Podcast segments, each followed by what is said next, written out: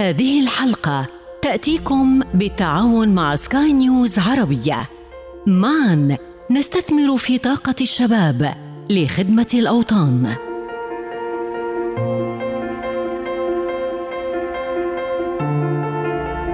حكايتنا هي انعكاس لذواتنا وقصتي هي امتداد لقصتكم. نعم لم أقابلكم من قبل ولكنني أشبهكم في الكثير. أنا أحمد المرزوقي من الإمارات وهذه قصتي. قصتي. اللي حصل في الإمارات في 50 سنة المفروض يحصل يمكن في 150 200 سنة في أغلب المدن. الشخص لازم يساعد نفسه لازم هو يبرز نفسه ولازم يطور من نفسه. أكبر مسؤولية حاليا متواجدة عندي إنه ما يصير يرجع لورا. يرجع لبلاده يرجع لأوروبا يرجع لأمريكا. يقول لهم أنا عندي خبرة في دبي في أبو ظبي. أهلا بكم. أنا أمال شابة وأستمع معكم اليوم إلى قصة ضيفنا في بودكاست الشباب العربي. قصتي. قصتنا اليوم عن شاب إماراتي. جمع بين دراسة الهندسة المعمارية والهندسة البيئية. شغفه بالبيئة والعمران لم يظل حبيس شهادته الجامعية بل تعداها إلى فضاءات وسائل التواصل الاجتماعي. أحمد المرزوقي طالب وتخرج في الهندسة المدنية وعلى مر السنين أصبح صانع محتوى أكثر من سبع سنوات في مجال الهندسة المدنية والمعمارية وأيضا في مجال آخر أخبار المشاريع العمرانية اللي تحصل في دولة الإمارات. بسبب الشغف اللي أنا كنت فيه وصلت للمستوى اللي أنا موجود فيه حاليا كصانع محتوى مخصص للمشاريع العمرانية بمختلف المجالات في آه، دولة الإمارات العربية المتحدة. الشغف اللي كان فيني من وأنا صغير حبي للمشاريع ومتطلع جدا فيما يحصل في دولة الإمارات من ناحية التطور العمراني اللي حصل من بداية الألفين. بدايات آه، الإعلان عن برج جديد راح يكون الأطول في العالم. مترو دبي نقل سيستم جديد في الخليج العربي بشكل عام قبل لا يكون في دولة الإمارات. الحماس اللي كان فيني وحبي للمدن الحديثة وجمال المدن والتصاميم العمرانية اللي هي السبب الرئيسي في جعل المدن جميلة. خصوصا نحن في دولة صحراوية عبارة عن صحراء لكن جمال المدينة بمدينتها بعمرانها بشوارعها بطريقة الزراعة بطريقة تنسيق المناطق. كان الشغف عندي من وأنا صغير وأنا أتابع الأخبار. بداية من الجرايد كنت أخذ فقط الجريدة الاقتصادية وأشوف شو يستوي في دولة الإمارات. دخلت في مجال الإنترنت وطلعت أكثر. وبديت أفهم أكثر شو اللي يحصل في خارج الإمارات من ناحية الدول المتقدمة اللي كانت تعتبر سباقة قبل دولة الإمارات كانت موجودة خلال سنين طويلة مثل نيويورك مثل لندن باريس وغيرها من الدول الكبيرة. فلاحظت أن حماسي كان لتطور دولة الإمارات ومدينة دبي أو مدينة أبو أو أي من الإمارات الأخرى راح يساهم في جعل الدولة كدولة عالمية. كانت ال process أو خطوة التنقل آه، من من مستوى إلى مستوى أعلى في الإمارات كان سريع جدا. اللي حصل في الإمارات في 50 سنة المفروض يحصل يمكن في 150 200 سنة في أغلب المدن. هذه كانت البداية. من دخلت الجامعة آه، درست طبعا الهندسة المدنية وأيضا درست الهندسة البيئية. خلال دراستي في الهندسة المدنية كنت أزور المشاريع ونفس الوقت كنت أصور هذه المشاريع وأستخدم وسائل التواصل الاجتماعي وكنت أصور وأعرضهم في وسائل التواصل هذه. قصتي. من فيديوهات بسيطة وبإمكانيات تقنية متواضعة إلى حساب على مواقع التواصل الاجتماعي. يتابعه المئات ثم الآلاف. يواصل أحمد المرزوقي بناء جسر التواصل وتعريف بمشاريع الإمارات التي تنمو وتزدهر على أرض دولة لا تعرف للمستحيل معنى. والحال كذلك لأحمد المرزوقي الذي لم يستسلم للصعاب ولم يعرف للمستحيل دربا.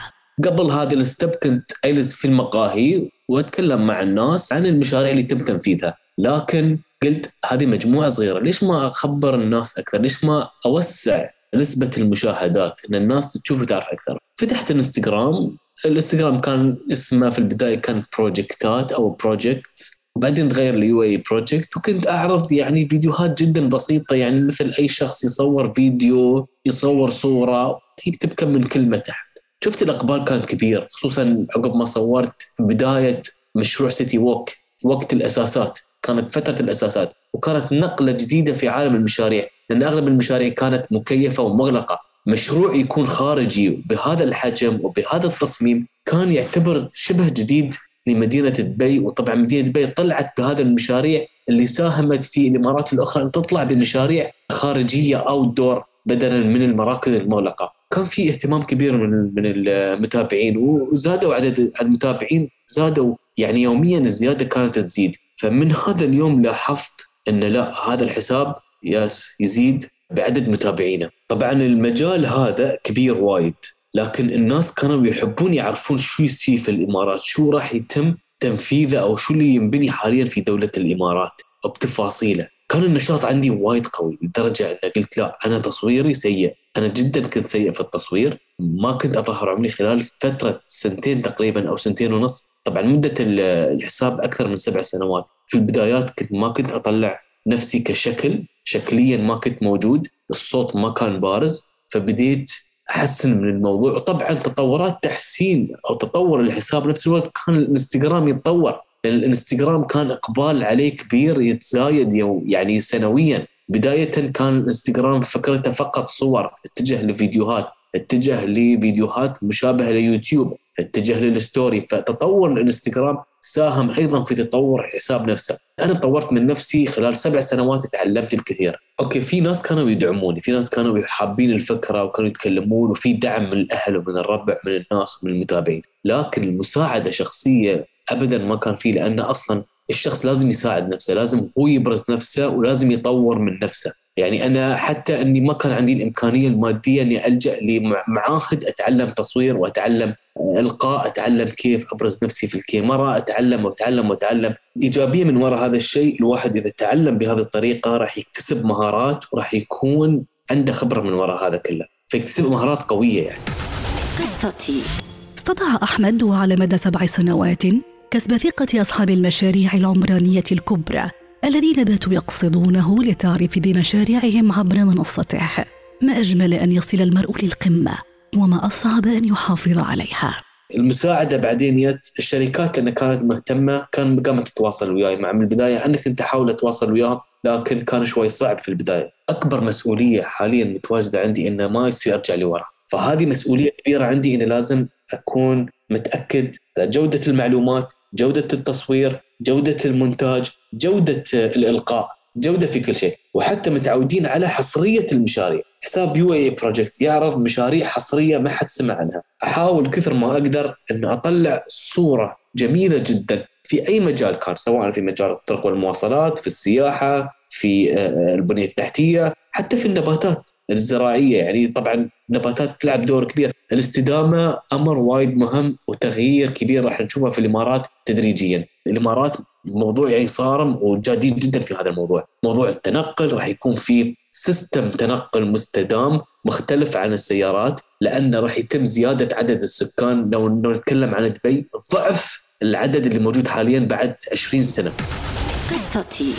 من متحف اللوفر إلى برج خليفة وبرج العرب وغيرها من معالم الإمارات.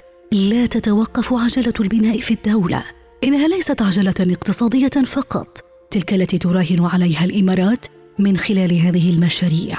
إنها تبعث كذلك برسائل حضارية وإنسانية بين ثنايا عمرانها وبنيانها. نسبة كبيرة من المهندسين في العالم يتجهون إلى الإمارات كخبرة في مجال عملهم في الهندسة المدنية والمعمارية. في مشاريع كثيرة مختلفة تحديات جديدة يتعلمون منها وياخذون اكسبيرينس قوي. يرجع لبلاده يرجع لأوروبا يرجع لأمريكا يقول لهم أنا عندي خبرة في دبي في أبو ظبي في هذا المشروع. الإمارات تميزت إن تعدد الخط المسموح في الهندسة. عندنا في دولة الإمارات الخسارة المادية يعني ماشي مش يعني عادي أنا أنا بخسر الحين بس راح أنجح بعدين. إذا خسرت ماديا في البداية لأن تكلفة المشروع جدا عالي لكن هذا يفيد كمجمل الإمارة. مثلا برج خليفة يساوي مبالغ كبيرة. لكن شو ساهم؟ ساهم في المنطقة كلها تأثرت بسبة برج خليفة. أسعار العقارات حول برج خليفة ارتفعت بسبة برج خليفة. الحين الاقتصاد يرتفع بسبة هذه المعالم. هالمعالم تضيف ارتفاع أسعار العقارات تضيف حياة ثانية. متحف اللوفر أبو ظبي المتاحف الموجودة في السعودية. المبالغ اللي تم صرفها في هذه المشاريع مبالغ خيالية. لكن شو الرسالة اللي توصلت؟ دولة الإمارات وصلت رسالة من وراء هذه المشاريع كرسالة التسامح والحب والمودة لأن جمعوا الأديان جمعوا الثقافات جمعوا بلدان مختلفة في مكان واحد. نشوفوا نحن يعني أكثر من 200 جنسية عايشة في دولة الإمارات. قصتي. دولة الإمارات من الدول والبيئات الحاضنة للمواهب الشابة تؤمن بها تدعمها وتفتح لها الآفاق واسعاً. ما هي النصيحة التي يقدمها أحمد المرزوقي للشباب الذين يعيشون على أرض هذه الدولة؟ دعونا نستمع. أول شيء بتكلم بشكل عام أن الإمارات فتحت فرص للعالم مش بس للإماراتي. الإماراتي طبعا له الكثير من الفرص في دولته لكن الدولة فتحت للعالم. قلت تعال في كثير من رجال الأعمال أو من الناس اللي بدأوا من الصفر طلعوا طلعتهم من الإمارات لأن في اهتمام. دولة الإمارات تقدم ما يلزم للشاب سواء كان الإماراتي، العربي، الأجنبي أو المقيم اللي اللي كان متواجد في الدولة، في كثير من المقيمين ولدوا على دولة الإمارات يعتبرون من هذه الدولة، كل هالناس عندهم الفرص في دولة الإمارات، دولة الإمارات مجالاتها كثيرة، مجالاتها كثيرة، يعني حتى في مجال الفضاء الإمارات طلعت من الأوائل في هذا المجال. قصتي للمزيد تابعوا حلقات قصة بودكاست الشباب العربي على كافة منصات البودكاست. كان معنا في الإخراج نويل بولوس كان معكم أحمد المرزوقي من الإمارات وهذه كانت قصتي.